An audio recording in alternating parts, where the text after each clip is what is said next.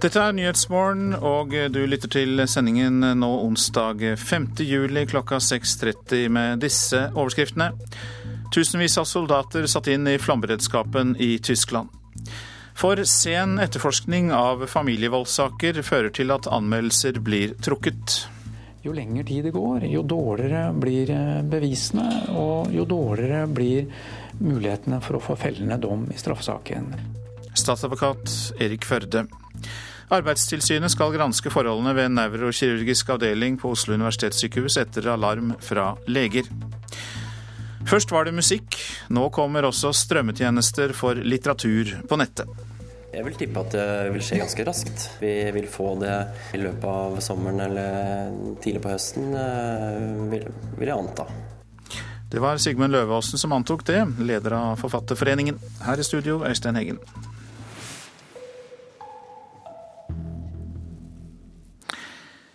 Ja, tusenvis av soldater er sendt til de flomrammede områdene i eh, Tyskland. Den høye vannføringen truer flere byer. Du har fulgt med på de siste informasjonene om flommen, utenriksreporter Øyvind Nyborg. Nå er det jo slik at Oversvømte elver har gjort stor skade i mange sentrale deler av Europa. Men nå er det nord og øst som har eh, grunn til å legge ut eh, sandsekker. Det er eh, byen, byer som Dresden som må forberede seg på en vannstand eh, fem meter høyere enn normalt. Og eh, myndighetene i Saksen tror det kan bli enda verre. Som, de, som du sier, så har de sendt 4000 soldater ned til området. og Det er for å sikre dikene, legge ut flere sandsekker og for å hjelpe alle de som må forlate hjemmene sine. og på Donau og Rhinen så er skipstrafikken som vanligvis eh, frakter mye kull og hvete. Eh, mye av den trafikken er innstilt. Hvis vi kaster et blikk mot resten av Europa, hvordan er situasjonen? Vi har jo sett hvordan vannet har herjet i Tsjekkia, i Praha, men vannstanden her er på vei nedover. Eh, de har jo klart å, å eh, så å si berge de historiske gamle delene av eh, Praha fordi man har tatt sine forholdsregler, men der har det gått verst utover de områdene, nabolagene rundt. Eh, rundt om i Europa så er jo minst tolv mennesker har mistet livet. Og det er jo, eh, foruten eh, da Tyskland og Tsjekkia, så er det Østerrike, Sveits, Polen, Slovakia og Ungarn som har vært hardest rammet med ødelagte veier. Mange er uten strøm, jernbanelinjer har budt sammen. og um, Man er fortsatt i høy beredskap i Budapest og Bratislava. Uh, og uh, vi skal legge merke til at Angela Merkel, som var uh, i Bavaria-området i går, Eh, i byen Passau, der de ikke har målt så mye vann på 500 år. og Hun blar opp eh, snaue 800 millioner kroner som skal gå til de flomrammede. Takk skal du ha, utenriksreporter Øyvind Nyborg, som følger med på dette for oss. Også i natt har tyrkisk politi brukt tåregass og vannkanoner i et forsøk på å spre demonstrantene i Istanbul og Ankara. Det er også meldt om sammenstøt i den sørøstlige byen Hatay på grensen mot Syria, der en 22 år gammel demonstrant eh, mistet livet i eh, går. Familievoldssaker blir etterforsket altfor dårlig ved Grønland politistasjon, skriver Oslo statsadvokatembete i en ny rapport. Det har ført til at eh, mulige ofre har trukket sine anmeldelser. Bekymringsfullt, sier statsadvokat Erik Førde. Vår gjennomgang viste at en del av sakene ikke hadde en helt eh, heldig eh, utvikling. Eh, man gjorde de rette tingene sånn initialt i forbindelse med anmeldelsen, og så så det ut som det stoppet litt opp, og det trakk litt i langdrag. Han er en av fem statsadvokater som har inspisert Grønland politistasjon. Blant annet er alle familievoldssaker som er under etterforskning gått gjennom. Etterforskning i saker hvor fornærmede er i familie med gjerningsmannen starter altfor sent, sier Førde. Det medførte i enkelte tilfeller at eh, de som anmeldte kom tilbake og, og trakk anmeldelsen. Familievoldssaker har høy prioritet fra Riksadvokaten. Det er viktig at fornærmede og vitner, som f.eks. barn, avhøres raskt for å sikre bevis. Jo lengre tid det går, jo dårligere blir eh, bevisene, og jo dårligere blir mulighetene for å få fellende dom i straffesaken. Bevis er omtrent som matvarer. De, de tåler ikke lagring noe særlig godt. Det er et område som eh, vi ikke har vært gode nok på. Det sier politimester i Oslo, Hans Sverre Sjøvold. Fra 1.1 i år ble det opprettet en egen familievoldgruppe på Grønland som skulle jobbe med slike saker. Men den er fortsatt ikke oppe og går. Nå blir dette prioritert. Av de 70 eh, stillingene som vi da får fra Stortinget nå fra høsten av, så er det 20 av de som går til eh, å etterforske familievoldssaker. Ikke bare på Grønland, men også på andre politistasjoner i, i eh, Oslo. Familievoldssaker er jo en prioritet fra Riksadvokaten. Hvor alvorlig er det at dette her blir liggende så lenge på Grønland? Det er med bekymring at vi ser at denne typen saker ikke får den prioriteten fortjener. Det har vi en god dialog med stasjonen om, og det er for så vidt ikke noe uenighet mellom stasjonsledelsen og de som leder etterforskningen og oss, om at dette ikke har vært håndtert på den mest optimale måten. Reporter her, eh, Ellen Omland. Ragnhild Bjørnebekk, god morgen til deg. Du er voldsforsker ved Politihøgskolen. og Hvordan reagerer du på at eh, mange familievoldsofre trekker anmeldelsene sine fordi eh, ja, det tar så lang tid å etterforske? Nei, det er veldig alvorlig. Fordi uh, familievoldssaker er på en måte kjernen i det å bekjempe vold. Hvis man ikke får bort, uh, klarer også å bekjempe det som er i familien, så klarer man heller ikke neste generasjon. Sånn at det er svært viktig. Og så er det også sånn at når man lever i vold i familien, Eh, og man går til det skrittet å anmelde, så er det et veldig stort skritt. Eh, vanligvis så gjelder anmeldelsene de mest eh, grove situasjonene, hvor det er snakk om kontroll og makt. Og hvis man da fortsetter i et sånt forhold, så kan man kanskje forvente at volden blir verre. En kommer seg i hvert fall ikke ut av det. Og, så det kan skje nye undertrykkinger og ny vold i forlengelsen av det. Argumentene for å gjøre noe med det er sterke. altså det er Både dette samfunnsperspektivet som du trekker fram, men også det som gjelder individet selv. Så hvorfor i all verden bruker politiet så lang tid? Altså, det vet ikke jeg. Det kan være ting som har med at uh, man ikke har bemanning. Uh, vanligvis, uh, Politiet setter jo dette her høyt nå. og Det er utviklet et program som har vært prøvd på to steder i Norge med veldig gode resultater, som heter SARA, hvor man nettopp jobber spesifikt sammen med andre med å løse familievold. Spesielt der hvor det er gjentatt vold i familien. Eh, og Det er et program som er forskningsbasert og utviklet i Canada, eh, oversatt til eh, norsk. Og mm, hvor man går inn og ser på hva slags type risiko finnes det i denne familien. Og så setter man inn tiltak i forhold til det som er risikomønsteret. Ja, og hvilke familier er det risikoen er størst hos? Altså, familievold deler man inn i to hovedtyper. og Det ene er det som vi kaller for kontroll og makt, og hvor det er en form for personlig terrorisme som foregår. Eh, I Norge så er det sånn at det er knytta til enkeltpersoner. Men så kan det jo være eh, enkelte grupper hvor dette her også dreier seg om en kollektiv form for vold. Sånn at en hel familie Altså hvis noen har brutt og gått ut av det som er mønsteret som de skal følge, så settes det inn et eh, kontroll- og maktmønster. Sånn at da kan vi få eh, kulturer Eh, som ikke hører hjemme hos oss, eh, som er høyt representert innenfor denne voldsformen. Så statistikken for innvandrerfamilier eh, er høyere når det gjelder den type voldssaker? Ja, altså Når det gjelder krisesentrene, så vet vi at det er flest av de kvinnene som kommer der, kommer nå fra innvandrerfamilier. Statistikken ellers er dårlig når det gjelder familievold, fordi den ofte ikke Eh, klarer å få tak i det som har med, med den eh, personlige volden, eller den volden som foregår som episoder i familien, den kommer fram i selvrapportstudier. Mens den grove volden kommer ikke fram der. Den kommer fram i politistatistikk. Så vi har egentlig dårlig oversikt over hvor mye vold det er i familien. Takk skal du ha, Ragnhild Bjørnebekk, som da er voldsforsker ved Politihøgskolen. Og du var da her i forbindelse med at det viser seg at det er sen etterforskning av familievoldssaker, og at Politiet i Oslo skal sette inn 20 av 70 nye stillinger i dette arbeidet.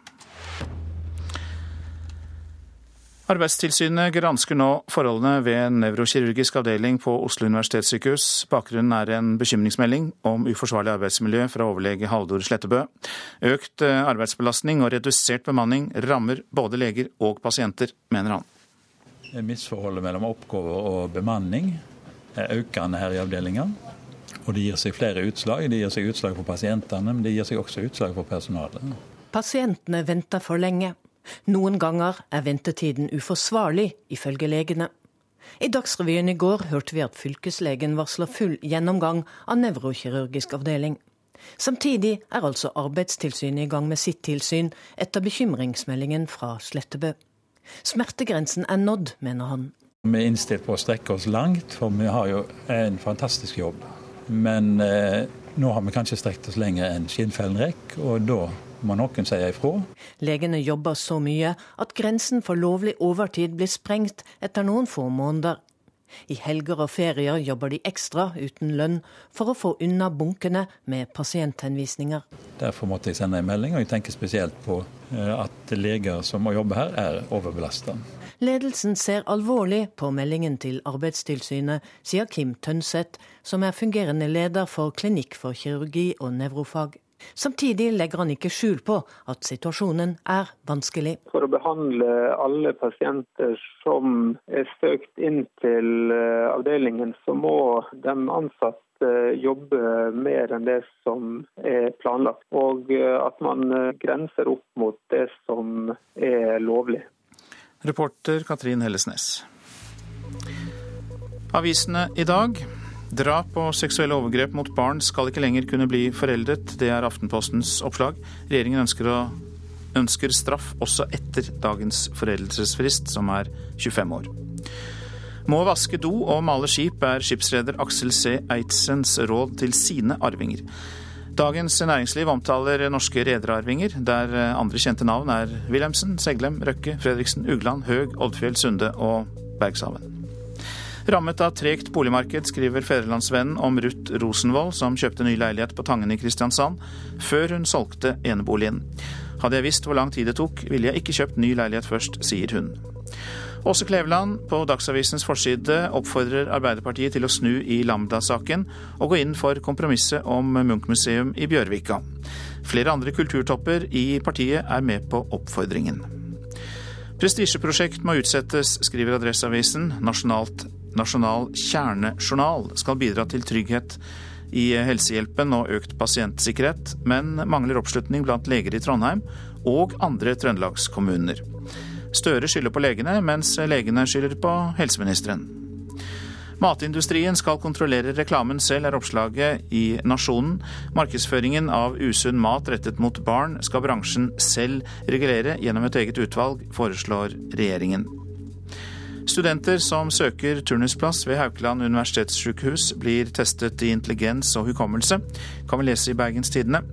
En digital IQ-test sier ingenting om du er flink lege. Det sier Bjørg Bakke, leder i Norsk medisinstudentforening. All makt er ikke i denne sal, skriver Vårt Land på sin forside. Politikerne i Stortinget drukner i detaljer, og de folkevalgte mister grepet, sier statsviter Trond Nordby. Dette gir deg bedre husk, er førstesideoppslag i Dagbladet, som omtaler huskeliste mot glemsel, og slik unngår du farlig sydensmitte og bakterier ute av kontroll, skriver VG.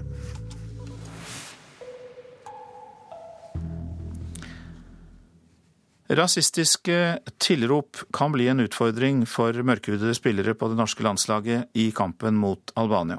Det sier Kjetil Rekdal, som opplevde rasisme på stadion da han ledet Ålesund i europakvalifiseringen i hovedstaden Tirana i fjor. Det var jo veldig eh, heftig med rasisme på en del av spillerne til Ålesund, bl.a. Mye stygge tilrop fra tribunen og flaskekasting inn når de skulle ta innkast. og sånn. Det har vært flere tilfeller av rasisme fra det albanske fotballpublikum de seneste årene. I juli i fjor ble flere mørkhudede spillere fra Ålesund hetset, og saken fikk stor oppmerksomhet i norske medier. Rekdal, som da var trener for laget, blir ikke overrasket om Norges A-lagsspillere kan oppleve det samme fredag. Jeg tror nok vi må være klar over at det kan skje.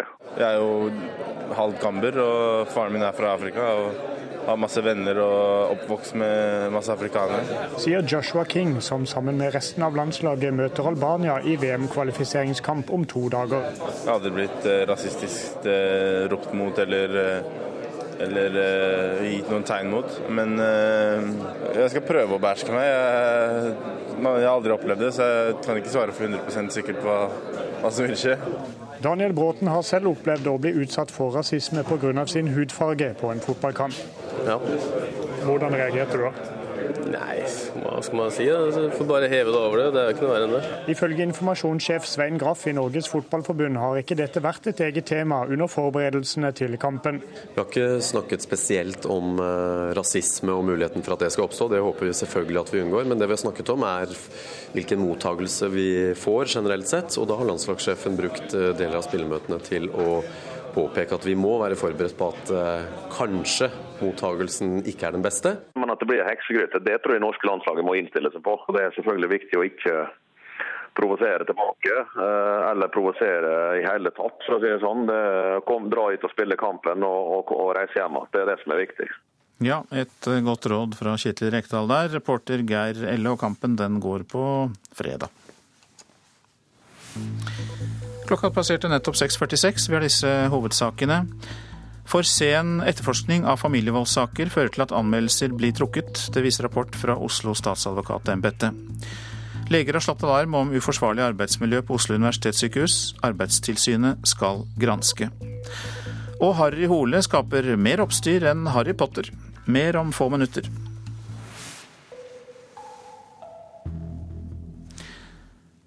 Næringsutvikling i Arktis tvinger seg fram som tema når parlamentarikere fra sju nordlige nasjoner møtes på Svalbard for å diskutere framtida.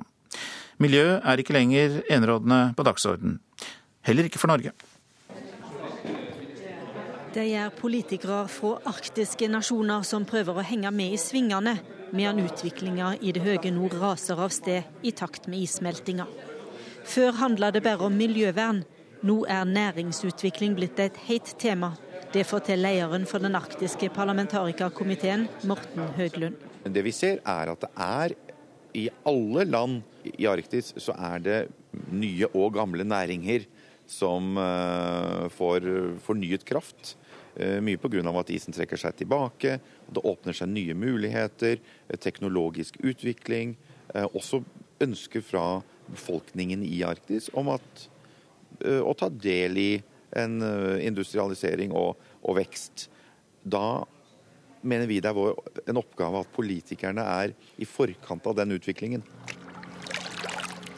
Men i havna i Longyearbyen står lederen for den lokale næringsforeninga Terje Aunevik og drømmer om at Norge ikke blir hengende etter. Kanskje er regjeringas avgjørelse om å bruke 200 millioner kroner på ny havn nettopp et tegn på en ny offensiv norsk næringslivssatsing på Svalbard, men han vet ikke. Jeg tenker eh, Longyearbyen som en naturlig knutepunkt for aktivitet i Arktis. Alt fra logistikk til, eh, til base for forskning, undervisning eh, og, det, og, annen type næring. Og Vi ser jo også i forhold til maritim virksomhet at, at Polhavet kommer til å få en økt betydning framover. og Der bør Norge og Longyearbyen spille en rolle. Allerede er det norske samfunnet en spydspiss for utvikling i Arktis, for ingen andre steder så høyt i nord har en så stødig infrastruktur. Oppholdet gir inntrykk på det grønlandske parlamentsmedlemmet Sara Olsvik. Fordi det er meget inspirerende for meg å se hvordan man bygger et samfunn opp omkring ressursutviklingen. Det er jo den store utfordringen vi har i Grønland nå, det er at vi står overfor potensielt store prosjekter som ligger langt vekk fra beboelse, og som derfor vil kreve at vi bygger øh, byer og samfunn opp omkring prosjektene. Også den canadiske representanten fra Northwestern Territories lar seg imponere. Just, it's, uh, it's. Ryan Leaf mener at Longyearbyen er et godt eksempel på at det lar seg gjøre å kombinere næringsutvikling med miljøvern. When you look at the model of, of a, a thriving community uh, in a beautiful area that's, uh, that's taking uh, advantage of the economic opportunities, but at the same time uh, maintaining the pristine wilderness, uh, I think that's a model that everybody can strive, strive for. Men i havna står lederen for næringsforeninga og frykter at Norge ikke raskt nok finner fotfeste i den nye arktiske virkeligheten. Terje Aunevig mener at Svalbard kan bli akterutseilt som spydspissen i det høye nord.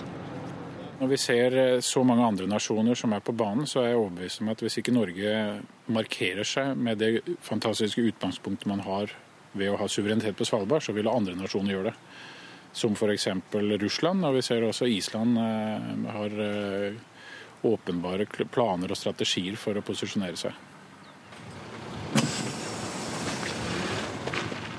Parlamentarikerne haster ut døra. De skal til forskningsbyen Ny-Ålesund, for vertskapet vil vise at nordmennene enn så lenge er i bresjen. Men som leder for Stortingets arktiske komité vet Morten Høglund at framtida kommer raskt og kan innhente Norge. De kommende år vil være avgjørende, og de, hvis ikke vi tar skritt for å gjøre Svalbard til et knutepunkt eh, i Arktis, så vil andre kanskje gjøre det. Og kanskje er det greit. Men vi skal i hvert fall ha et bevisst forhold til hva vi gjør, og så gjør vi noen valg ut fra uh, de, de, mål vi ønsker å oppnå. Og denne reportasjen fra Svalbard var laget av Kjersti Strømmen. Baptistmenighetene i Sandnes og Stavanger er sjokkert over at et sentralt medlem av kirkesamfunnet er siktet for krigsforbrytelser i Rwanda. 40-åringen risikerer 21 års fengsel dersom han blir funnet skyldig, men få av hans venner i Norge tror på anklagene. Da måtte han ha gått gjennom en 100 eh, personlighetsendring. Ole Johan Skjæveland er leder i baptistmenigheten i Stavanger.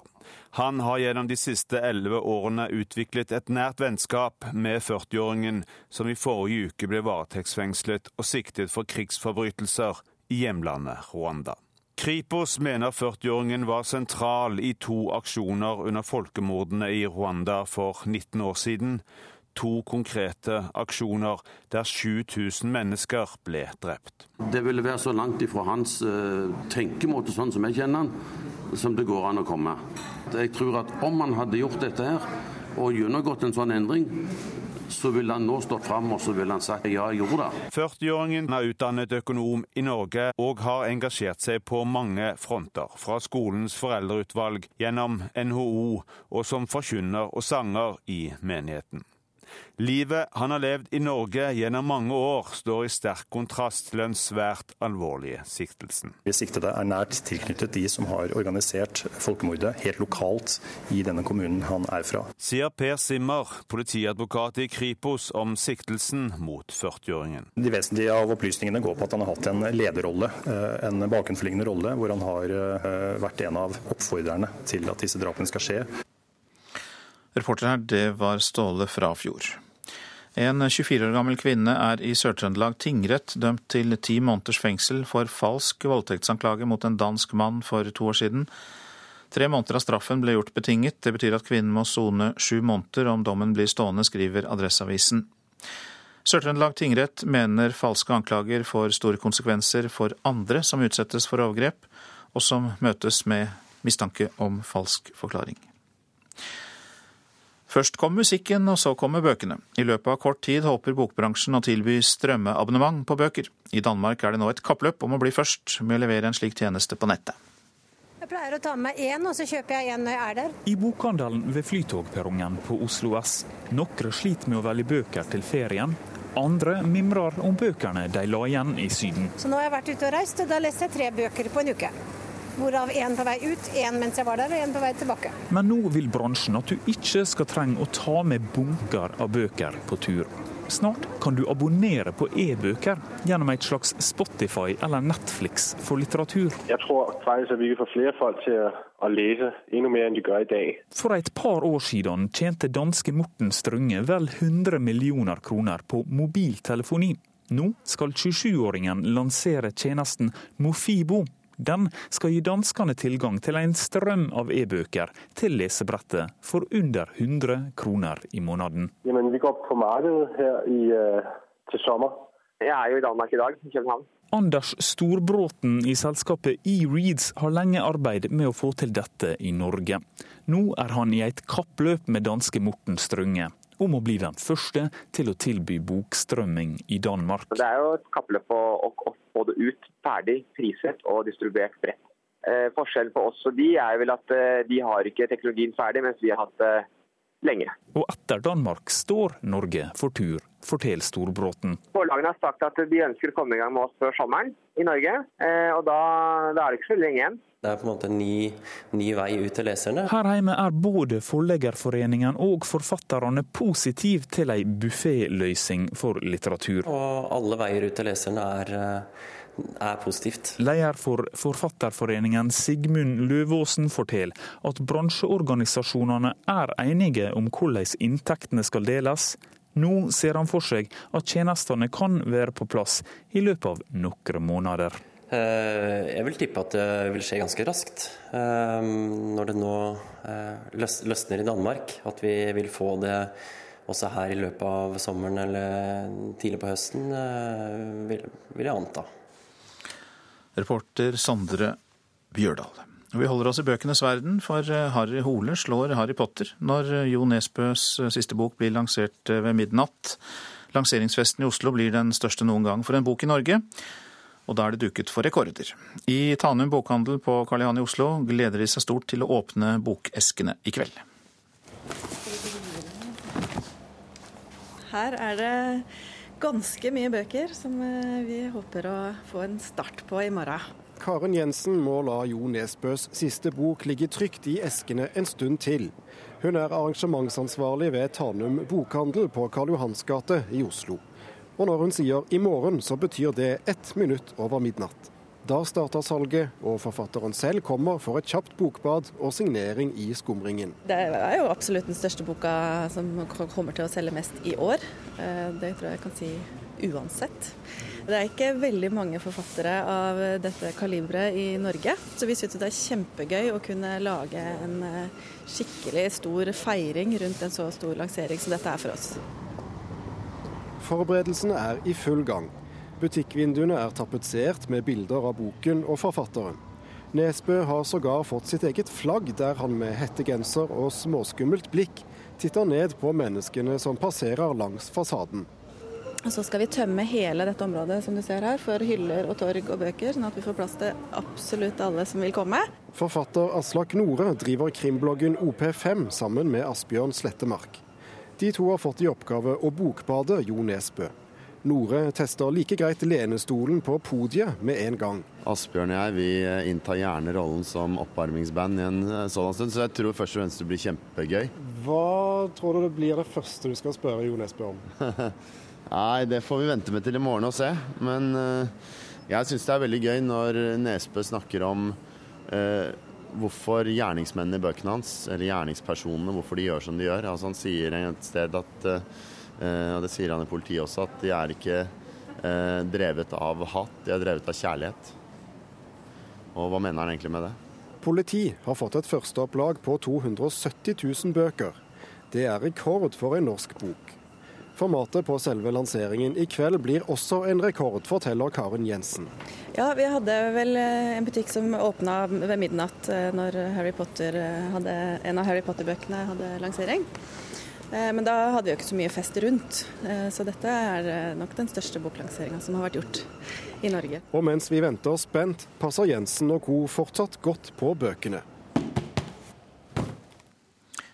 Reporter i bokhandelen på Karl Johan, Thomas Alvarstein Ove. Så til værvarselet fram til midnatt. Fjellet i Sør-Norge. Regnbyger, snøbyger på toppene. Utrygt for torden. Fra i ettermiddag lettere vær nord i eh, fjellet. Østafjells får skiftende skydekke, regnbyger og utrygt for torden. Vestlandet sør for Stad. Regnbyger og utrygt for torden også der. Møre og Romsdal liten kuling på kysten i sør og litt regn. Fra i ettermiddag pent vær i Møre og Romsdal, men det kan bli regnbyger på Sunnmøre. Trøndelag litt regn. Fra seint i ettermiddag regnbyger med utrygt for torden i Nord-Trøndelag. Stort sett pent vær i Sør-Trøndelag. Helgeland, Saltfjellet, Salten og Ofoten. Pent vær, men sør på Helgeland enkelte regnbyger. Fra i ettermiddag kan hende med torden. Lofoten og Vesterålen samt hele Troms og Vest-Finnmark med vidda. Pent vær. Øst-Finnmark oppholdsvær, fra utpå dagen pent vær også der, da. Nordensjøland på Spitsbergen regn og yr, en del tåke. Temperaturer målt klokka fem. Svalbard tre, Kirkenes seks, Vardø sju, Alta åtte, Tromsø sju, Bodø elleve. Brønnøysund, Trondheim og Molde alle tre med ni grader. Bergen sju, Stavanger ni, Kristiansand-Kjevik ti, Gardermoen sju, Lillehammer seks, Røros fire grader, og Oslo-Blindern hadde åtte grader da klokka var fem i natt.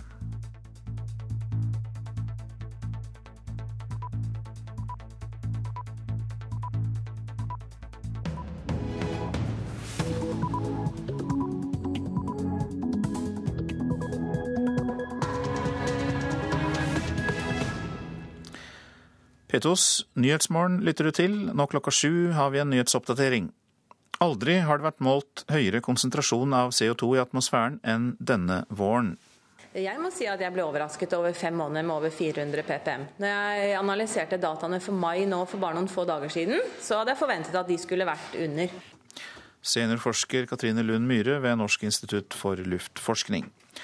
Statoil utsetter endelig beslutning om olje- og gassproduksjon på Johan Castberg-feltet på Skrugard i Barentshavet. Leger slår alarm om uforsvarlig arbeidsmiljø på Oslo universitetssykehus.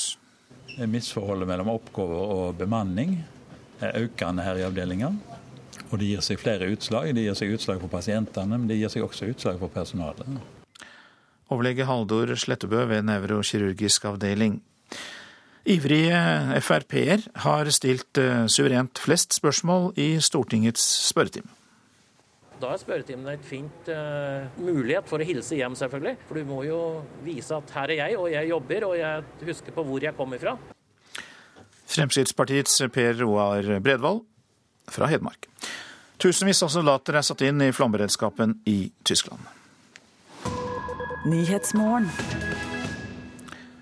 Andelen av karbondioksid i atmosfæren er den høyeste som noen gang er registrert.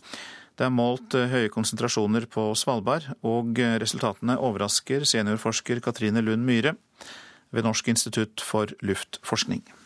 Jeg må si at jeg ble overrasket over fem måneder med over 400 ppm. Når jeg analyserte dataene for mai nå for bare noen få dager siden, så hadde jeg forventet at de skulle vært under. Men det trengs jo ofte å gjøres en del med dataene etterpå, sånn at man skal være forsiktig med å bruke På Nilus laboratorium på Kjeller utenfor Oslo følger forskerne resultatene fra målestasjonen på Svalbard. PPM betyr deler per million, og er et mål på hvor mye CO2 som finnes i atmosfæren. Hvis de høye tallene holder seg, betyr det trolig at den globale oppvarmingen blir på mer enn to grader, forteller Myhre. Grunnen til at vi er så opptatt av dette nå og bekymret for dette nå, er at vi vet at eh, hvis CO2 er over 400 ppm, så er det mindre og mindre sjanse for at vi klarer å begrense den globale oppvarmingen til to grader. Men de siste ti åra har ikke temperaturen på jorda steget, til tross for stadig mer CO2 i atmosfæren. Enkelte forskere mener derfor at det langt fra er sikkert at økt CO2-innhold vil gi et varmere og villere klima. Mens flertallet av forskerne mener vi bare ser en utsettelse av problemet, sier strategidirektør Knut Alfsen ved Cicero, Senter for klimaforskning. Jo mer CO2 vi slipper ut, jo mer varme sperrer vi inne. Og denne overskuddsenergien den uh, fordeler seg rundt på jorda. Uh, nå er det riktig det at uh, overflatetemperaturen som vi måler på jordoverflaten, har ikke økt noe særlig de siste 10-15 årene. men varmen har i stedet gått ned i havet. Den dagen havet på en måte slipper dette ut igjen, så kommer vi til å få en het hverdag også på landjorda. Mange peker også på at Norge ikke vil bli veldig sterkt negativt berørt av klimaendringer. Her i landet kan et varmere klima også ha positive effekter. Men Alfsen understreker at også vi vil merke følgende. Verden er nå så tett sammenvevd og sammenknyttet at selv om Norge ikke kommer til å bli veldig hardt rammet direkte av klimaendringene, kommer vi til å føle det indirekte gjennom det som skjer andre steder i verden. Matproduksjon er sentralt, selvfølgelig. Vanntilgjengelighet, som kan komme til å flytte på store menneskemengder. Og du får i generelle termer en sosial uro som du ikke helt vet hvor, bærer hen. Knut Halsen ved Cicero, reportere her Arild Svalbjørg og Tom Ingebrigtsen. Og klimapolitikk er også tema i Politisk kvarter om en drøy halvtime her i P2. Jan Egeland, europadirektør i Human Rights Watch. På et seminar i regi av Miljøverndepartementet skal du svare på om klimaendringene er verdenssamfunnets nye sikkerhetstrussel. Det svaret skal du gi senere i dag. Hva er svaret? Eh, svaret er ja. Det er den største sikkerhetstrussel, det er den største generasjonsutfordringen vi står overfor.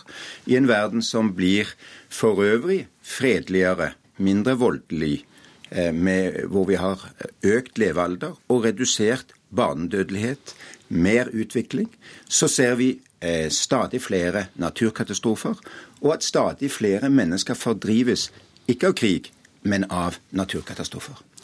Men det er de som mener at vi snakker om naturlige svingninger, ikke menneskeskapte klimaendringer, og at det har vært overraskende naturkatastrofer gjennom menneskehetens historie? Ja, Det har vært naturkatastrofer siden Atlantis eh, druknet i havet.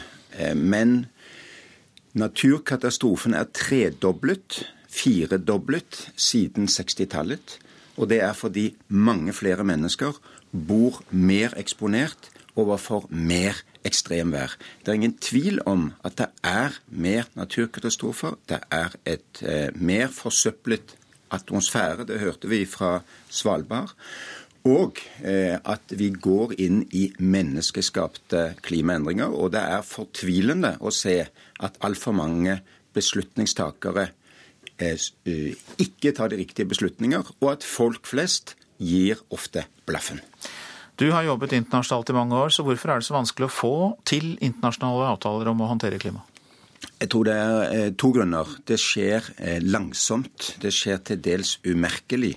Eh, vi ser jo at Bloomberg, borgermesteren i New York, våkner opp pga. Sandy. Jeg tror at folk i Oklahoma begynner å tenke mer på klimaendringer nå enn før disse rekordstore tornadoene. Men folk flest ser ikke noen dramatisk endring, fordi de blir ikke selv utsatt for forferdelige naturkatastrofer ennå. Og Det andre forholdet det er følgende at de som blir mest utsatt for klimaendringene, det er fattigfolk som ikke selv forårsaket disse. Altså Det er den største urettferdigheten i, i vår generasjon at vi som skapte klimaendringene, blir sist og minst eh, rammet. Og det igjen betyr at, eh, at de som har mulighet til å investere i endringer, de gjør det ikke, for de ser endringene for seint. Du ledet jo et klimavarslingsarbeid i FN-regi. Det skulle se på både konsekvensene av klimaendringer og eh, også da i tillegg. Og hva kom dere fram til?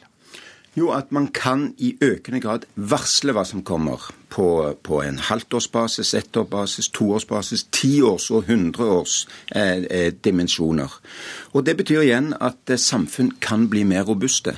Nordmennene er i dag mye mer robuste overfor klimaendringer og naturkatastrofer enn det vi var på våre besteforeldres tid.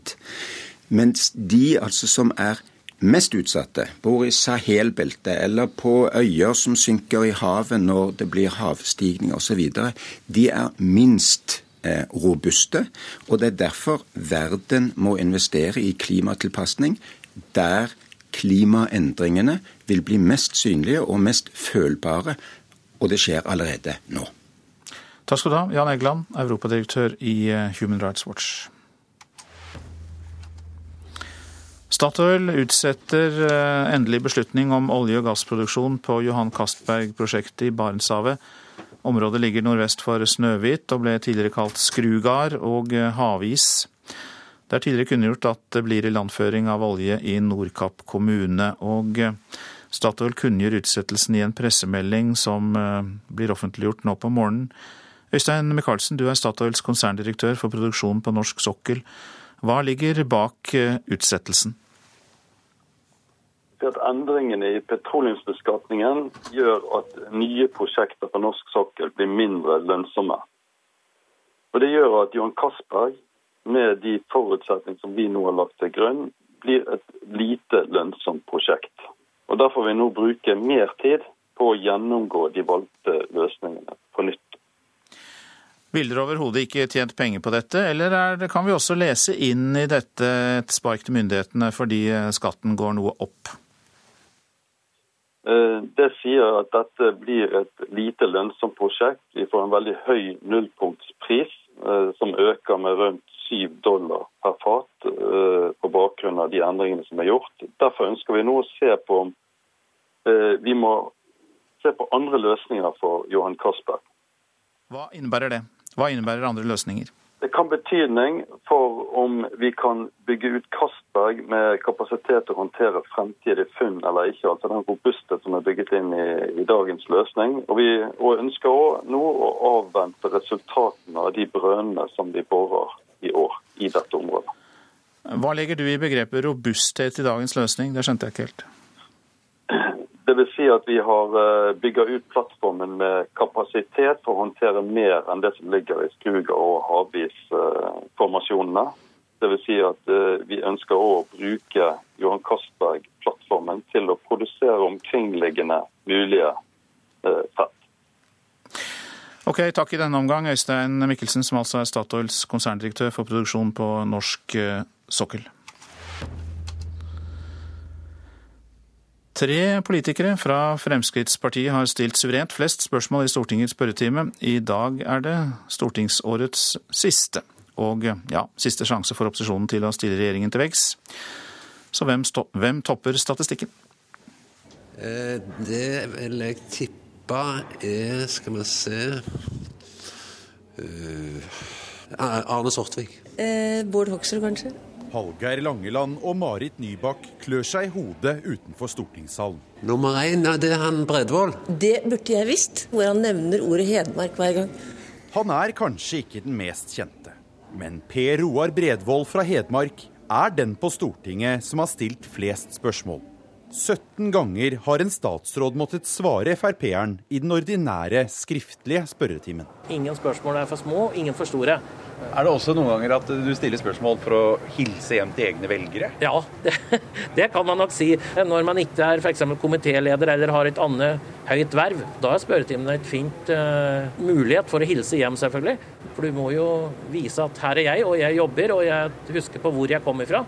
Det er dessverre ikke alle som husker det alltid, men jeg har prøvd å huske på hvor jeg kommer fra. og Derfor har det vært mange spørsmål med en hilsen hjem. Bl.a. om rovdyr og, og samferdsel og arbeidsplasser og you name it. Og samferdselsminister Marit Arnstad er statsråden som har fått flest spørsmål fra stortingspolitikerne. 36 ganger i dette stortingsåret. Hun innrømmer at det kan ta litt på. Ja, Dette er et etablert institutt mellom regjering og storting. Dette har de all mulighet til å bruke i forhold til departementet. Men jeg skal ikke legge skjul på at det er krevende. Det tar mye tid, både i departementet, men også hos våre ytre etater. Og i dag må Arnstad igjen stille i spørretimen. Det skal jeg. Jeg har siste spørsmålet før sommerferien. Men for en gangs skyld må hun se langt etter et muntlig spørsmål fra Stortingets ivrigste. Men jeg har to skriftlige isteden, da. Ja. Så det, jeg, jeg, er med. Noen ganger er du på reise og oppdrag så du ikke får det til. Men i løpet av alle de 16 åra som jeg har vært på Stortinget på onsdag, så tror jeg du kan telle på ei hånd de gangene jeg ikke har hatt spørsmål. Så det har vært en god dag. altså onsdag. Jeg har alltid sett fram til onsdag. Ja, Hedmark, Hedmarksrepresentanten Bredvold til slutt der. Reportere var Sindre Heirdal og Bjørn Myklebust. Og eh, Kjetil B. Alstaheim, god morgen til deg. God morgen. Du er politisk kommentator i Dagens Næringsliv og fører i pennen det du hører og ser i spørretimen. Og det har du gjort lenge. Har du lagt merke til Bredvold?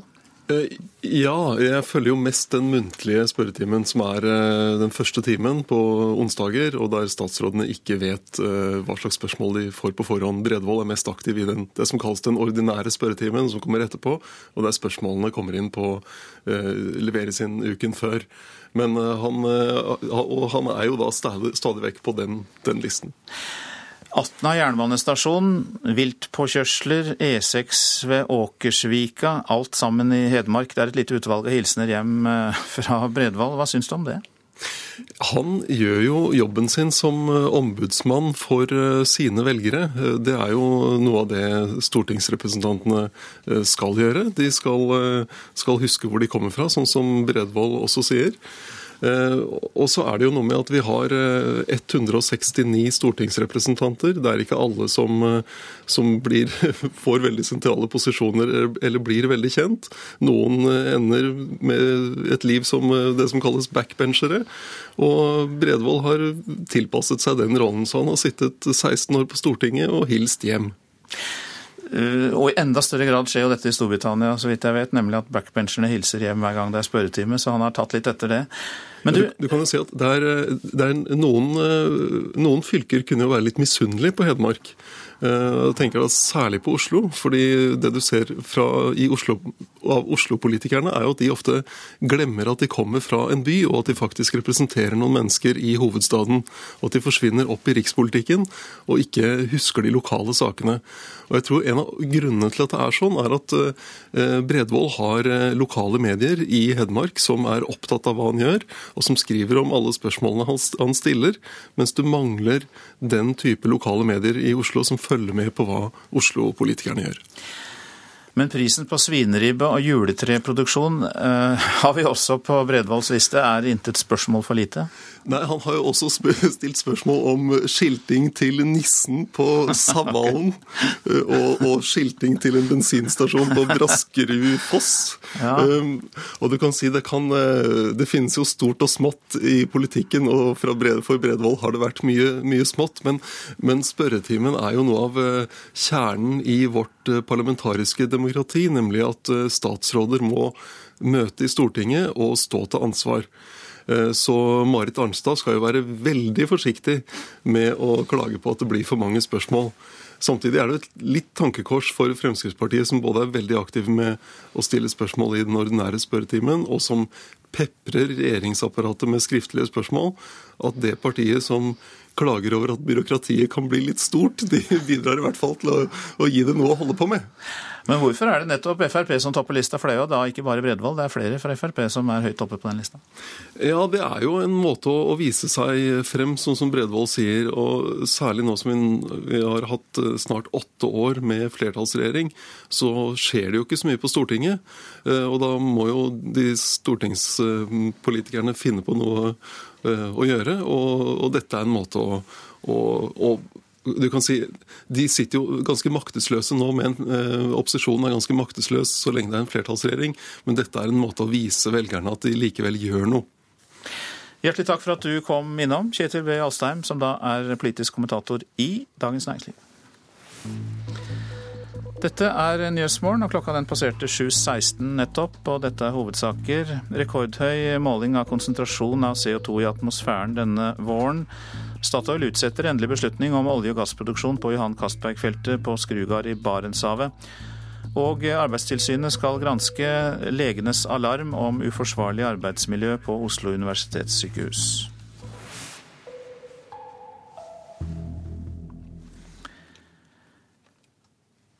Tyskland forbereder seg på den verste flommen på lang tid, og sender 4000 soldater til Saksen for å legge ut sandsekker langs elvene.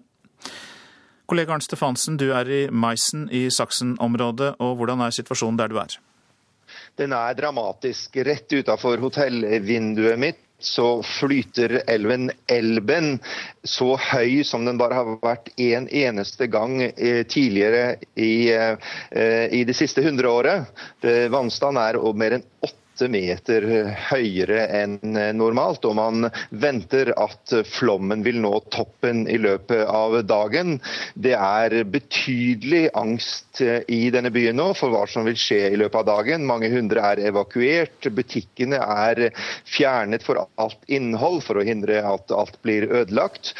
Soldater som du nevnte, er kalt inn for å hindre at elven stiger enda mer. Og, og det er en, en veldig eh, dramatisk dramatisk eh, stemning som man merker veldig godt her i denne lille byen, som altså ligger like ved den større byen Dresden, som også er eh, truet av, eh, av flomvannet.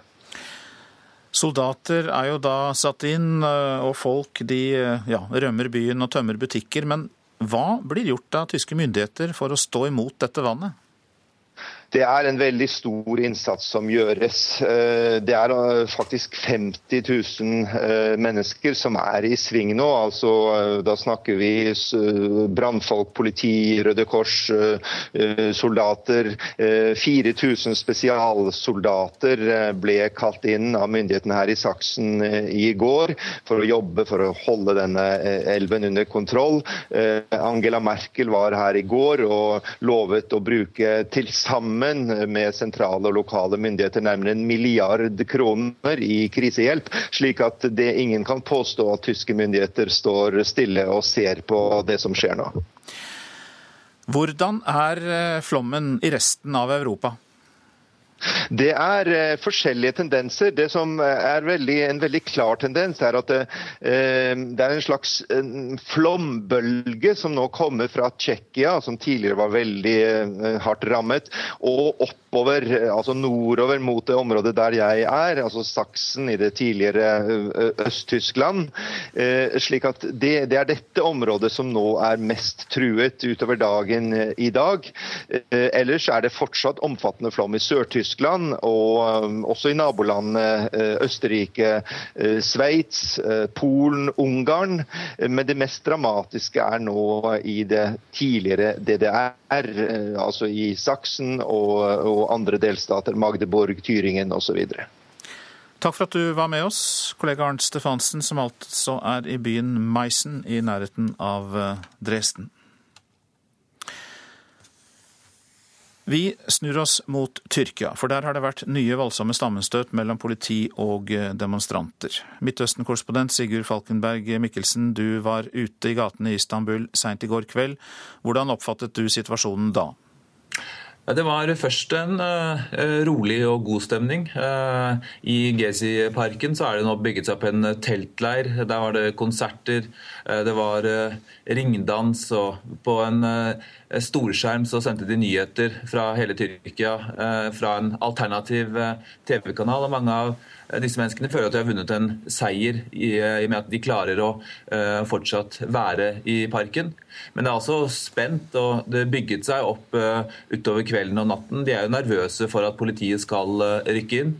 Og De rykte ikke inn på plassen, men det var kraftige trefninger like i nærheten i Besjiktas-området, like ved statsministerboligen, med massiv bruk av vannkanoner og tåregass mot demonstrantene. Uh, den uh, tåregassen kom jo også oppover uh, i resten av, resten, av, resten av, byen, og den var merkbar oppe på Taksimplassen sånn i tretiden i natt. De jeg snakker med er jo veldig sinte, og det er dyp frustrasjon på, for måten politiet håndterer dette på. Og det er veldig mye snakk om politiets voldsbruk der. Hva forventer man kommer til å skje utover dagen?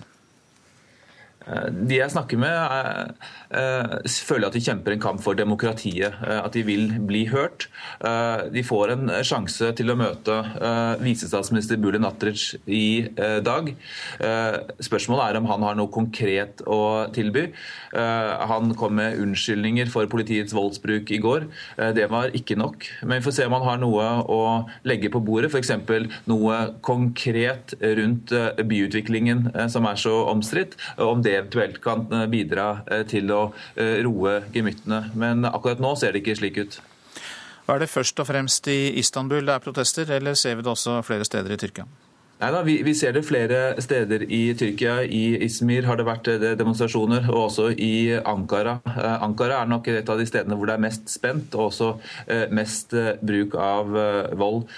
Men det er, det er, de samme type menneskene som demonstrerer over, over, hele Tyrkia. Og det er altså De føler, føler seg oversett og føler at de var nødt til å kjempe en kamp for å endre det politiske systemet.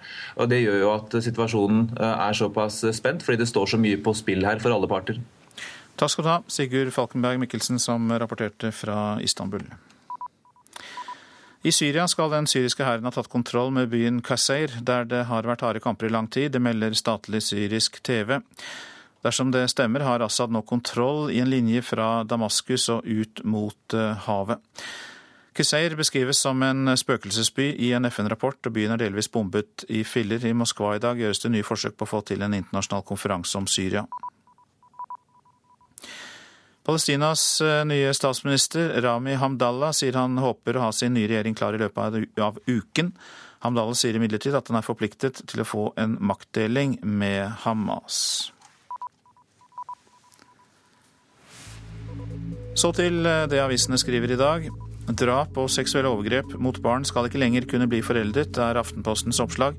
Regjeringen ønsker straff også etter dagens foreldelsesfrist på 25 år. Må vaske do og male skip, det er skipsreder Aksel C. Eidsens råd til arvingene sine. Dagens Næringsliv omtaler norske rederarvinger i dag, der andre kjente navn er Wilhelmsen, Seglem, Røkke, Fredriksen, Ugland, Høg, Oddfjell, Sunde og Bergshaven. Rammet av tregt boligmarked, skriver Fedrelandsvennen om Ruth Rosenvold, som kjøpte ny leilighet på Tangen i Kristiansand før hun solgte eneboligen. Hadde jeg visst hvor lang tid dette tok, ville jeg ikke kjøpt ny leilighet først, sier hun. Åse Kleveland er på Dagsavisens forside og oppfordrer Arbeiderpartiet til å snu i Lambda-saken og gå inn for kompromisset for Munch-museet i Bjørvika. Flere andre kulturtopper i partiet er med på oppfordringen. Prestisjeprosjekt må utsettes, skriver Adresseavisen. Nasjonal kjernejournal skal bidra til tryggere helsehjelp og økt pasientsikkerhet, men mangler oppslutning blant leger i Trondheim og andre trøndelagskommuner. Støre skylder på legene, mens legene skylder på helseministeren. Matindustrien skal kontrollere reklamen selv, er oppslaget i Nasjonen. Markedsføringen av usunn mat rettet mot barn skal bransjen selv regulere. Gjennom et eget utvalg, foreslår regjeringen. Studenter som søker turnusplass ved Haukeland universitetssykehus, blir testet i intelligens og hukommelse. Det kan vi lese i Bergens Tidende. En digital IQ-test sier ingenting om du er en flink lege, sier Bjørg Bakke, som leder Norsk medisinstudentforening. All makt er ikke i denne sal, skriver Vårt Land. Politikere i Stortinget drukner i detaljer, og de folkevalgte mister grepet. Det sier statsviter Trond Nordby. Dette gir deg bedre husk, er førstesideoppslaget i Dagbladet, som omtaler huskeliste mot glemsel. Og slik unngår du farlig sydensmitte og bakterier ute av kontroll. Det er forsiden på VG.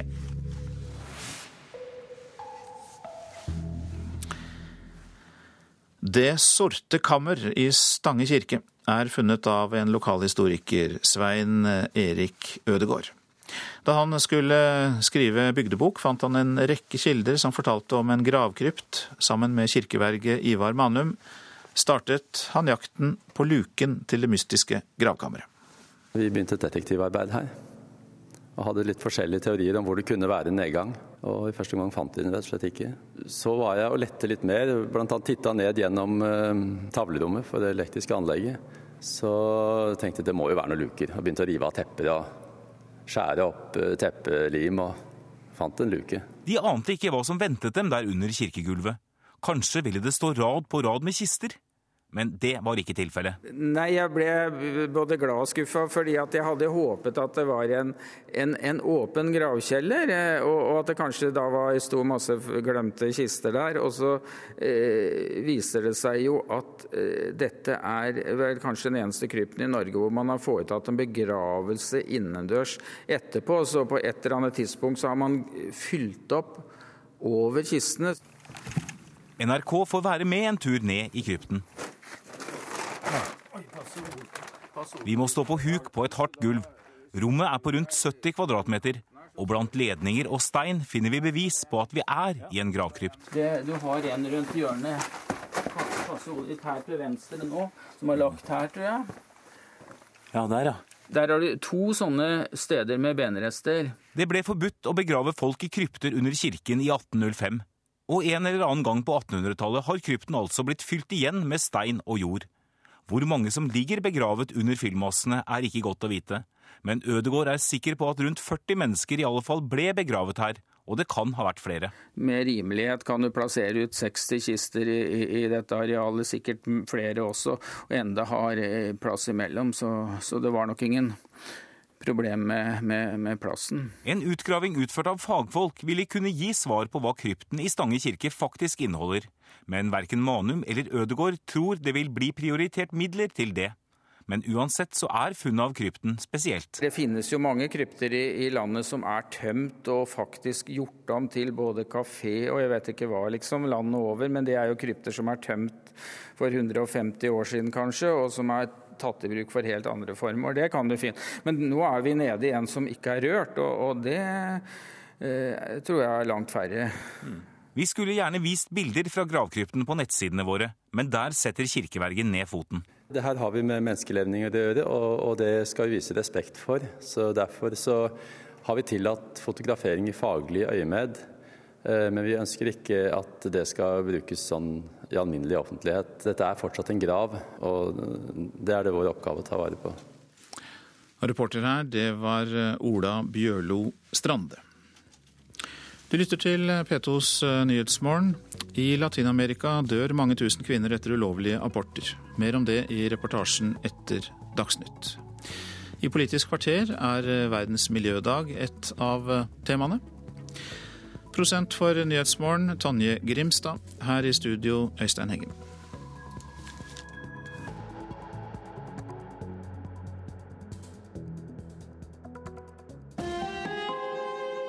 Hør ekko. Bråket i Tyrkia tok oss på senga.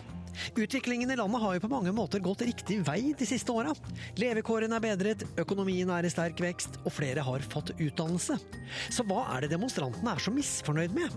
Og hva slags Tyrkia er det statsminister Erdogan egentlig vil ha? Ekko 9 11 i NRK P2. CO2-nivået i atmosfæren er nå så høyt at den globale oppvarmingen blir på mer enn to grader, tror forskere. Tyskland forbereder seg på stor flom. Myndighetene sender 4000 soldater til Saksen for å hjelpe. Nå kan du snart slippe å ta med deg tunge bøker på ferie.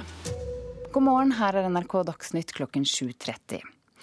CO2-innholdet i atmosfæren er det høyeste som er registrert. De siste fem månedene har en målestasjon på Svalbard målt rekordhøye konsentrasjoner, og FNs klimapanel tror nå at den globale oppvarmingen blir på mer enn to grader. Resultatene er overraskende, sier seniorforsker Katrine Lund Myhre ved Norsk institutt for luftforskning.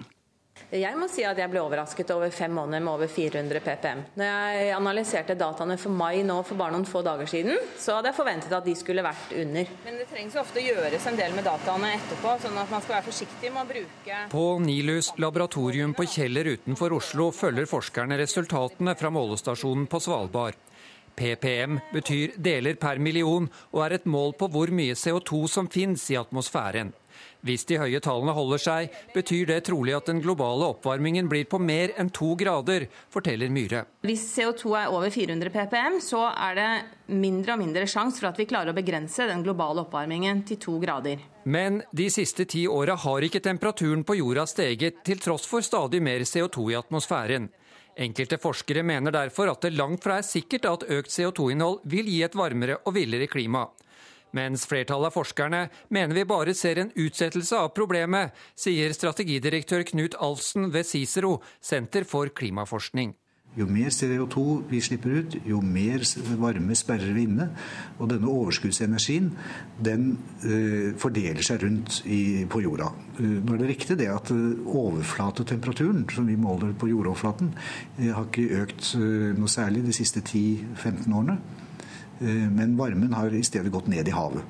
Den dagen havet på en måte slipper dette ut igjen, så kommer vi til å få en het hverdag også på landjorda. Klimautfordringen er den største sikkerhetstrusselen verden står overfor, sier europadirektør i Human Rights Watch Jan Egeland. Det er den største generasjonsutfordringen vi står overfor, i en verden som blir for øvrig fredeligere, mindre voldelig, med, hvor vi har økt levealder og redusert barnedødelighet, mer utvikling, så ser vi eh, stadig flere naturkatastrofer, og at stadig flere mennesker fordrives, ikke av krig, men av naturkatastrofer. Og det blir mer om norsk klimapolitikk i Politisk kvarter på P2 klokken 7.45. Reportere Arild Svalbjørg og Tom Ingebrigtsen. Tyskland forbereder seg på den verste flommen på lang tid, og sender nå 4000 soldater til Saksen for å legge ut sandsekker langs elvene der. Til nå har tolv mennesker mistet livet i flere land i Europa. Og reporter Arnt Stefansen, du er i Meisen i Sør-Tyskland. Hvordan er situasjonen der nå? Den er veldig dramatisk. Rett utenfor hotellvinduet mitt her så flyter elven Elben eh, med en voldsom vannstand. Den eh, største på 100 år, med unntak av 2002, da man hadde en såkalt 100-årsflom. Og man frykter at eh, vannet vil stige utover, utover, dagen. Hundrevis av mennesker er evakuert. Kjellerne fylles med vann. Gamlebyen er avsperret. Broer og veier sperres. Og osv. Slik at det er en, en veldig dramatisk situasjon her. Ja, Vi har hørt at eh, Merkel sender flere tusen soldater til Saksen for å legge ut sandsekker. Men hva ellers gjør myndighetene? De gjør en veldig stor innsats. Det er jo flom over store deler av hele det sørlige Tyskland. Og 50 000 mennesker eh, er i sving nå. Politifolk, Røde Kors, soldater, brannfolk osv. Slik at det gjøres en veldig stor innsats fra tyske myndigheter eh, i forbindelse med denne historiske eh, flommen. Takk til deg, reporter Arnt Stefansen, som altså følger flommen i Europa. Statoil utsetter endelig beslutning om olje- og gassproduksjon på Johan Castberg-prosjektet i Barentshavet. Området ligger nordvest for Snøhvit og ble tidligere kalt Skrugard og havis. Øystein Mikkelsen er Statoils konserndirektør for produksjon på norsk sokkel. At endringene i petroleumsbeskatningen gjør at nye prosjekter på norsk sokkel blir mindre lønnsomme. Og Det gjør at Johan Castberg, med de forutsetningene som vi nå har lagt til grunn, blir et lite lønnsomt prosjekt. Regjeringa har foreslått endring i skatten til oljeselskapene. Det liker Statoil dårlig. Sammen med andre i bransjen har giganten gått til kamp mot den skjerpa skatten. Kan vi også lese inn i dette et spark til myndighetene fordi skatten går noe opp? Eh, det sier at dette blir et lite lønnsomt prosjekt. Vi får en veldig høy nullpunktspris, eh, som øker med rundt 7 dollar per fat eh, på bakgrunn av de endringene som er gjort. Nordkapp kommune fikk vite tidligere i år at de får ilandføringa av oljen fra de store feltene nord for Snøhvit. På polet først og kjøper champagne, og så er det rett hjem og forsker i taket. Blir feiring? Yes. Meldinga i dag kan bety dempa optimisme der. Mikkelsen sier de kommer til å se på alle forhold ved prosjektet, også ilandføring, og at utsettinga vil påvirke planene om produksjonsstart i 2018. Det sa reporter Håvard Grønli. Arbeidstilsynet gransker nå forholdene ved nevrokirurgisk avdeling på Oslo universitetssykehus. Grunnen er en bekymringsmelding om uforsvarlig arbeidsmiljø fra overlege Haldor Slettebø. Økt arbeidsbelastning og redusert bemanning rammer både leger, men også pasientene, mener han. Misforholdet mellom oppgave og bemanning er økende her i avdelinga. Og det gir seg flere utslag. Det gir seg utslag for pasientene, men det gir seg også utslag for personalet. Pasientene venter for lenge. Noen ganger er ventetiden uforsvarlig, ifølge legene. I Dagsrevyen i går hørte vi at fylkeslegen varsler full gjennomgang av nevrokirurgisk avdeling.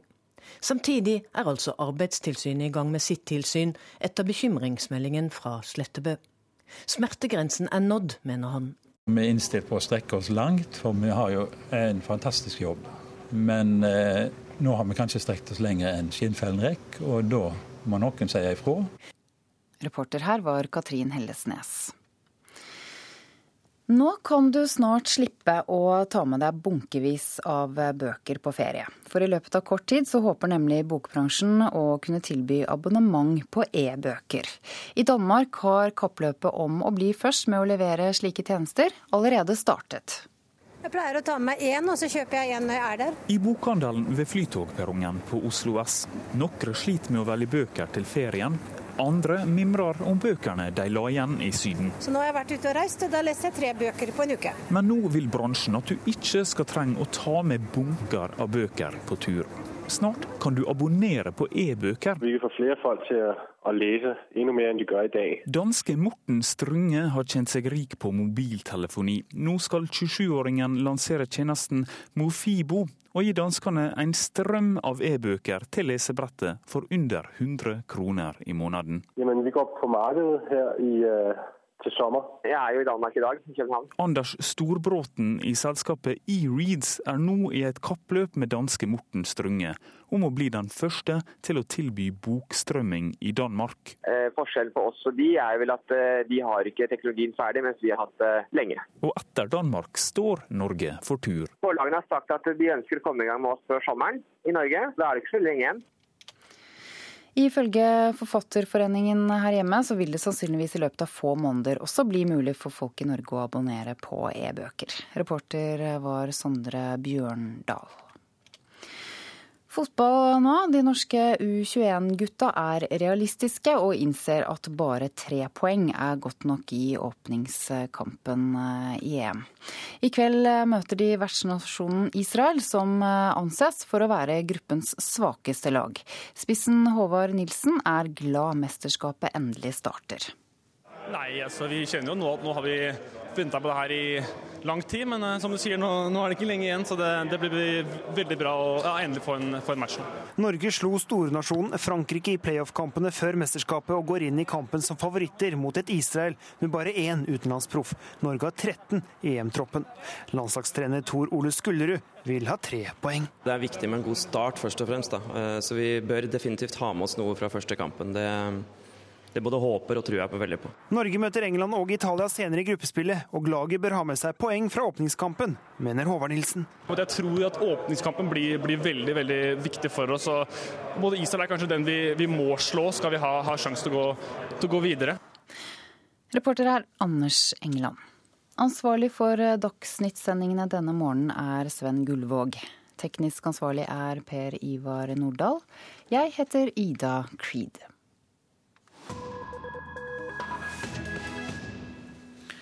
P2s eh, Nyhetsmorgen er dette. Latin-Amerika har det høyeste antallet ulovlige aborter i hele verden, og hvert år dør mange tusen kvinner i regionen av komplikasjoner fra slike ulovlige aborter. Konservative katolikker har lenge fått definere abortlovene i Latin-Amerika, og det har en ung kvinne i El Salvador fått merke. Viva. Pues, es una muchacha joven, tiene derecho a vivir. Min datter er ung og har rett til å leve, sier Delmi Cortez. Hun sitter i skyggen foran huset på den fattige landsbygda i El Salvador. I flere uker har datteren kjent som Beatrice vært sentrum for den største abortkonflikten i det lille mellomamerikanske landets historie. 22 år gamle Beatrice var gravid med sitt andre barn da det ble oppdaget en feil med fosteret. Det hadde ingen hjerne og livet til den lille ville ikke stå til å redde. Beatrice selv var i livsfare. Hun har infeksjonssykdommen lupus. Valget sto mellom abort eller en sikker død.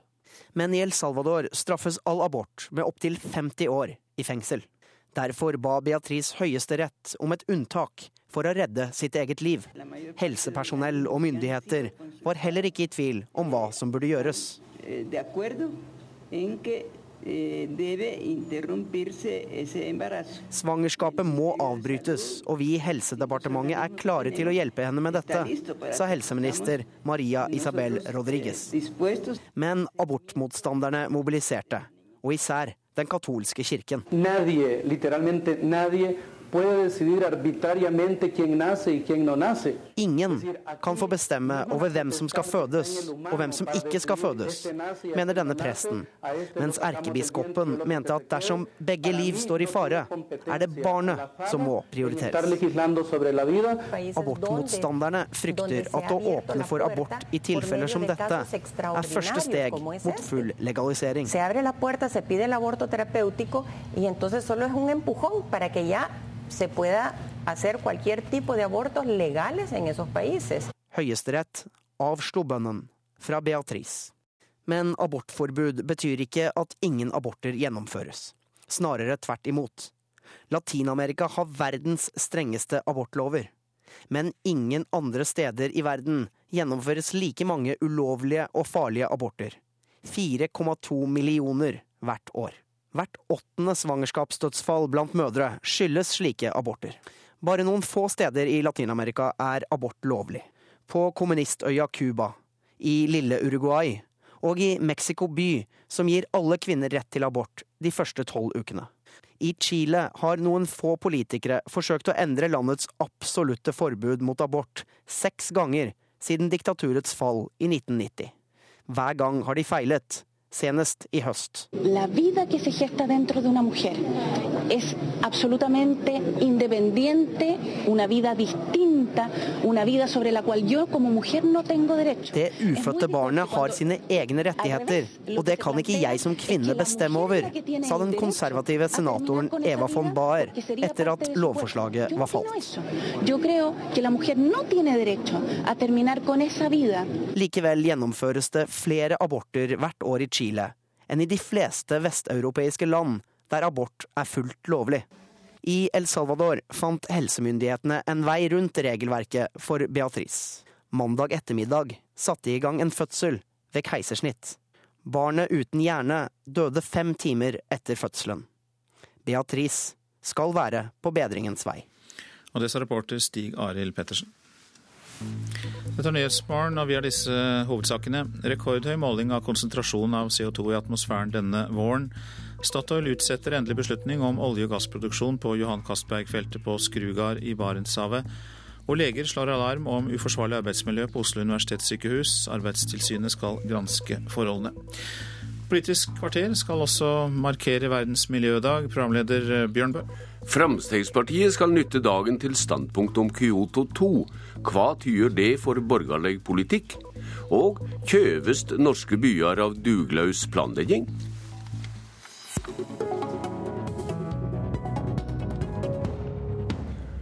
I dag er det verdens miljødag, og vi har hørt om mer CO2 i atmosfæren over Svalbard. Hva praktiske konsekvenser vil du dra av det, miljøvernminister Bård Vegar Solhjell? Så man regner 400 ppm som en slags grense, veldig grovt regna, for hvor høy konsentrasjon av CO2 vi kan ha i atmosfæren. Ja, ppm det er da et spørsmål om deler. Deler per million, ja. ja. Og, og, det er en slags veldig grovt regna ei grense har man regna tidligere for hvor mye vi kan ha, og samtidig holde oss under to grader. Mm. Så tror jeg jeg skal legge til at jeg holdt på å si heldigvis så er det litt usikkerhet knytta til det. F.eks. er det ny forskning nå som viser at kanskje ikke det gir en så høy temperaturøkning som man tidligere hadde trodd. Og det, det kan i så fall gi oss noe mer rom. Men, men det virkelige budskapet her er at det, å nå det målet Norge og verden har satt seg om å ikke øke temperaturen med mer enn to grader, det tidsvinduet for å klare det er veldig lite. Og det er dramatisk. for Mange tror at det betyr at eh, det er et mål uten konsekvenser, men det er det jo ikke. Det togradersmålet betyr ganske store konsekvenser. Mer ekstremvær i Norge, havnivåstigning, eh, endring i nedbørsmønster, konsekvenser for matproduksjon, vanntilgang. Men hvis vi går betydelig over det, så er det enda mer dramatiske konsekvenser. Det er egentlig et, er et rop om hjelp for klimaet, et varsko om at vi trenger akutt mer handling. Miljøtalsmann i Fremskrittspartiet Per Willy Amundsen, blir du uroa over meldingene fra målestasjonen på Svalbard? Nå tror jeg ikke det er politikere sin oppgave å, å, å si, frykte eller gjøre den type vurderinger. Jeg registrerer at dette blir sagt. Men så registrerer jeg også samtidig at vi de siste uh, 16 årene ikke har hatt noe særlig temperaturøkning globalt. Og det er jo to forhold som ikke nødvendigvis kan sammenstilles særlig bra. Nemlig det at CO2-konsentrasjonen i atmosfæren er høyere enn man har forutsatt at den skulle være. Samtidig så har man ikke hatt den temperaturøkninga som det burde gitt, gitt eh, eh, de eh, anslagene som har vært gjort tidligere. Men, det, da, jo, men, men her, det resonnementet her er viktig. Mm. Og det da som står tilbake, er jo det som også mange forskere påpeker, at følsomheten påvirkninga av CO2 i atmosfæren i forhold til temperatur kanskje ikke er så stor som man tidligere har trodd. Og Det sa for så vidt også Solhjell også, det syns jeg er bra, eh, at man ikke er eh, ferdig forska på dette feltet. Man har ikke to streker under svaret. Men djevelskapen eh, gjemmer seg i havet, sier forskerne? ja, eh, det er mye debatter rundt det. Jeg skal ikke gå inn i den debatten. Men jeg, bare, jeg registrerer bare at mm. vi skal være varsom med å trekke vitenskapelige konklusjoner. Absolutt. For her er altså forskerne eh, har ikke konkludert. Solhjell strever med å lage verdensomspennende utslippsavtaler går videre. Og regjeringa har bedt Stortinget godta den såkalte Kyoto 2-avtalen om utslipp. Hvor viktig ser du på den i det store spillet? Den er viktig. Kan jeg bare få si først én setning til Amundsen? At eh, vi skal debattere vitenskapen. Eh, man må kunne den. Som miljøpolitiker bør man sette seg tungt inn i den. Men jeg tror vi kan slå fast at vi veit nok til å handle. I hvert ja. fall hvis man vil forebygge og unngå de største problemene. Og Kyoto 2 er litt handling. Og, og Kyoto 2 er for lite handling, ja. men en del handling. Og løsningen på klimaproblemet den består av masse små handlinger i enkeltland og mange internasjonale handlinger. Og Grunnen til at Kyoto 2 er viktig, og at jeg vil oppfordre alle til å stemme for den i Stortinget, det er at det vil være den eneste internasjonalt bindende avtalen vi har. Den vil gi utslippskutt i en god del rike land. Og når vi fra Norge var med og forhandla den fram og sa ja til den, så er det òg fordi den legger et press på andre land som ikke er med om å gjøre mer. Per-Willy Amundsen, du har sagt at Kyoto 2 er ren symbolpolitikk. Hva mener du med det? Så jeg mener egentlig det samme som Stoltenberg uttalte uh, i 2011, nemlig at en, en, avtale som omfatter så få land For vi snakker i realiteten i hovedsak om Europa uh, og, og, Australia. En avtale som omfatter så få land, er verdiløs fordi at det samla sett reduserer det CO2-slippene i verden så minimalt at det ikke har betydning i forhold til klimaendringer. Når denne sendinga er over, skal du til møte i stortingsgruppa di og argumentere for at partiet går imot denne avtalen. Hva godt gjør det i tilfelle for klimapolitikken etter ditt syn? Det som er viktig, er jo de norske, altså hvordan vi som land skal, skal, velge å forholde oss til en sånn avtale. Og Da, da må jo vi eh, ta et standpunkt som ivaretar norske interesser. Da handler det ikke kun om å kutte CO2-utslipp, men det handler også om å ivareta norske arbeidsplasser. Noe av det farligste vi kan oppleve, det at vi gjennom en, si, en, en, ny Kyoto-avtale legger opp til at norske arbeidsplasser forsvinner til utlandet fordi at vi pålegger norske bedrifter særlig strenge forhold. Og det handler også om at vi ikke ønsker nødvendigvis enda flere forbud, påbud, restriksjoner, offentlige inngrep i folks vanlige, vanlige liv. Kan jeg bare få altså, Kyoto 2 truer ikke en eneste norsk arbeidsplass. De bare binder oss til samme regler som de nabolandene vi handler med. Da må vi ta inn den tredje som er her i studio. Kjell Ingolf Ropstad, du har miljøansvar i Kristelig Folkeparti. Hva sier du om Amundsens argument? Jeg må vel innrømme at jeg sitter her og egentlig savner Ketil Solvik-Olsen som miljøpolitisk talsmann i Frp. fordi um, det er klart at dette er jo et utfordrende felt for en ny regjering. fordi at uh, jeg er lei av å sitte og diskutere om klimaendringene finnes eller ikke. De bevisene vi har fått melding om i dag, er så tydelige at uh, vi må handle. Og jeg vil jo si det jo at hvis ni av ti forskere eller ni av ti vitenskapsmenn uansett hvilket tema sier og advarer mot noe, så bør en lytte til det. og En bør iallfall føre en føre-var-politikk. Og Derfor er jeg være glad for at selv om Frp har den på en måte litt sånn skepsis knytta til klimaendringer, så er det iallfall vært villig til å stemme for noen av forslagene. Men, men jeg er skuffa over den holdninga her. Men det, men det, er jo for så vidt riktig. altså Fremskrittspartiet sier jo ikke nei, blankt nei til alle mm. eh, forslag på klimafeltet. Det er en rekke forslag som vi også støtter, og det eh, så vi også når vi forhandla eh, i Stortinget i fjor. Eh, så her er det mulighet og rom for, for å komme frem til god enighet. For, forutsetningen er at vi ønsker å bruke de positive tiltakene, og ikke de negative tiltakene som handler om forbud, påbud, restriksjoner osv.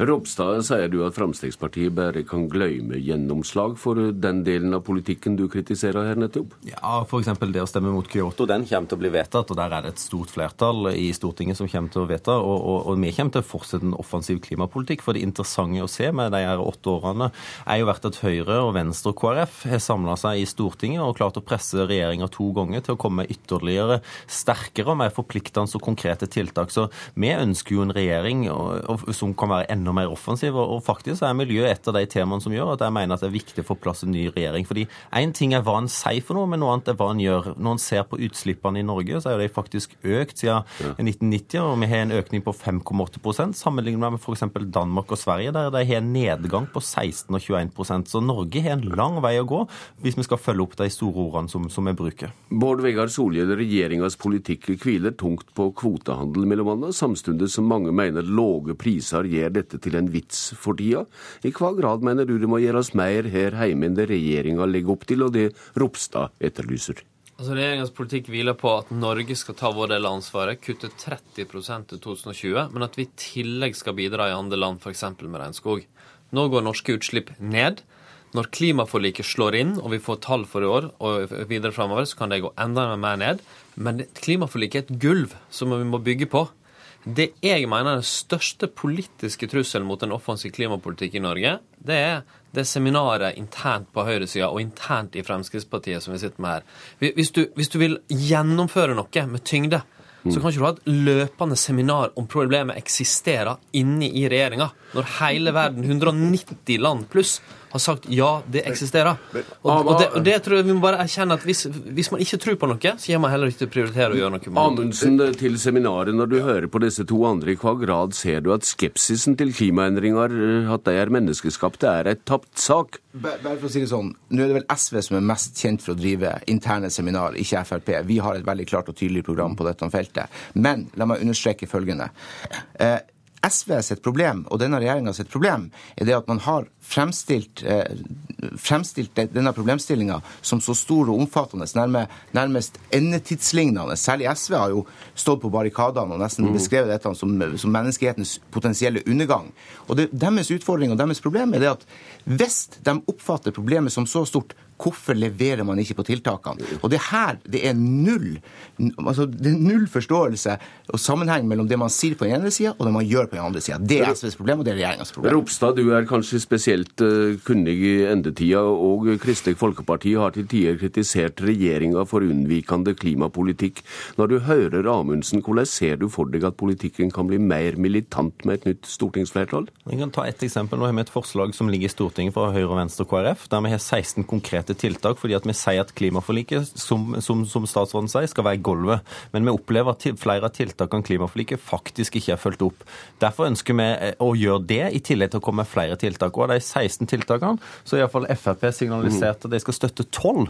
Og det viktigste for meg, det er jo faktisk at det faktisk handles. Og jeg må jo si det at det mest alvorlige er ikke Frp, det mest alvorlige er vi som snakker så høyt om klimaendringer og ikke gjør nok. Det er det som kommer til å gjøre at en eventuelt ikke klarer å stoppe klimaendringer. Da får vi se om det blir mer handling og mindre snakk. Takk til Per-Willy Amundsen og Kjell Ingolf Ropstad. Solhjell, du blir med videre.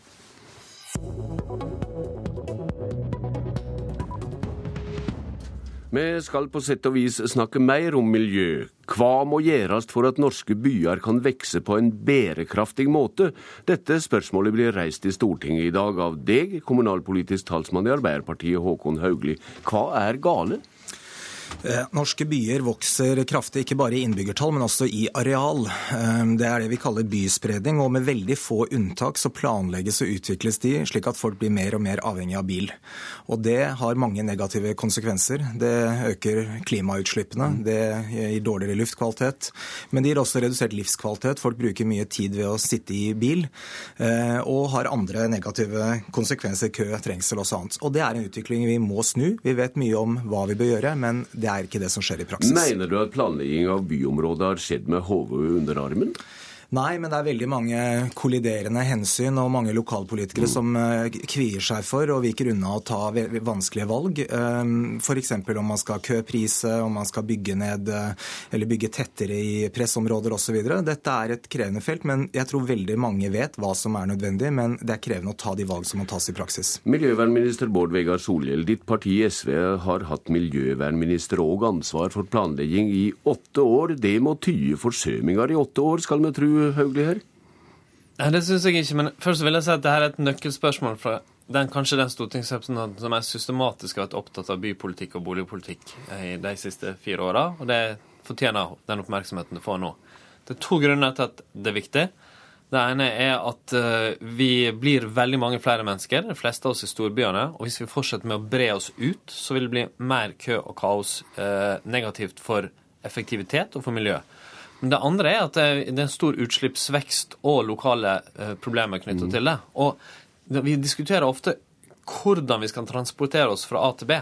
Men nøkkelbeslutningen i det ligger jo hvor lav i første omgang sykehuset, boligene, kjøpesenteret. Derfor er byplanlegging òg et nøkkelspørsmål i miljøpolitikken. Vi, ja. vi gjør mye nå. Vi eh, har en nasjonal transportplan som eh, mm. eh, gir store overføringer til byene som støtter kollektivtrafikk og sykkel. Vi gjør endringer i planlegginga som eh, skal gjøre, eh, stille tøffere krav til utbygging rundt kollektivknutepunkt osv. Og, og, men det er klart, veldig mye ansvaret ligger på de enkelte byene her. Det kommer man ikke unna. Nei, eh, her hører du din rød-grønne kamerat Haugli. Planarbeidet er i utgangspunktet kommunal oppgave. Hvordan mener du staten skal overstyre byer og omliggende kommuner etter ditt ønske? Altså, jeg bare si at Dette ligger ingen kritikk av uh, egentlig verken lokale eller sentrale myndigheter i interpellasjonen. Dette er et forsøk på å reise en veldig viktig debatt. Uh, jeg tror ja, det er ja, mer... Men medan du debatterer, ja, så kjøres det altså folk i planløs, etter din mening? Ja, faktisk. Og, og, staten kan gjøre mye, og gjør mye. Og jeg er jo veldig glad for det initiativ som miljøvernministeren har tatt i f.eks. å reise en bydebatt og ta og etablere et bypolitisk råd, slik at vi får reist bypolitikken som selvstendig politisk tema. Men til å svare på spørsmålet. Staten pålegger et regionalt plansamarbeid i Oslo-regionen f.eks. Det er et veldig viktig bidrag, fordi eh, hver enkelt kommune tar beslutninger som ikke bare berører dem sjøl, men også nabokommunene. I tillegg så må vi ha retningslinjer for utvikling av kjøpesentre. Veldig mange bruker bilen for å handle. Mm. Det eh, skaper nye transportbehov. Vi må flytte handelen inn til sentrum. Og vi må ha planleggingsretningslinjer for å se transport og boligbygging i sammenheng. Bård Vegar Solhjell, både kommuner og private klager på statlig overstyring i reguleringssaker. I hva grad er det skadelig skadelig handlingslamming i systemet i høve til det ærendet Hauglie har? Altså det er behov for å gjøre planlegging og prosesser mer effektive. og Det har vi satt i gang en rekke tiltak for og vil legge fram endringer nå snart. Men, det, men, jeg vil si at kanskje aller mest er det behov for mer samarbeid mellom fylker og kommuner. Rundt alle storbyene våre nå så er det mange som må samarbeide for å få en god utvikling. Og kanskje òg tøffere krav og støtte fra staten på noen områder. Penger til kollektivtransport bl.a. Gode ønsker. Det snakker videre om saka i Stortinget i dag. Takk til Håkon Hauglie og Bård Vegar Solhjell. Politisk kvarter er slutt. Jeg heter Bjørn Bø.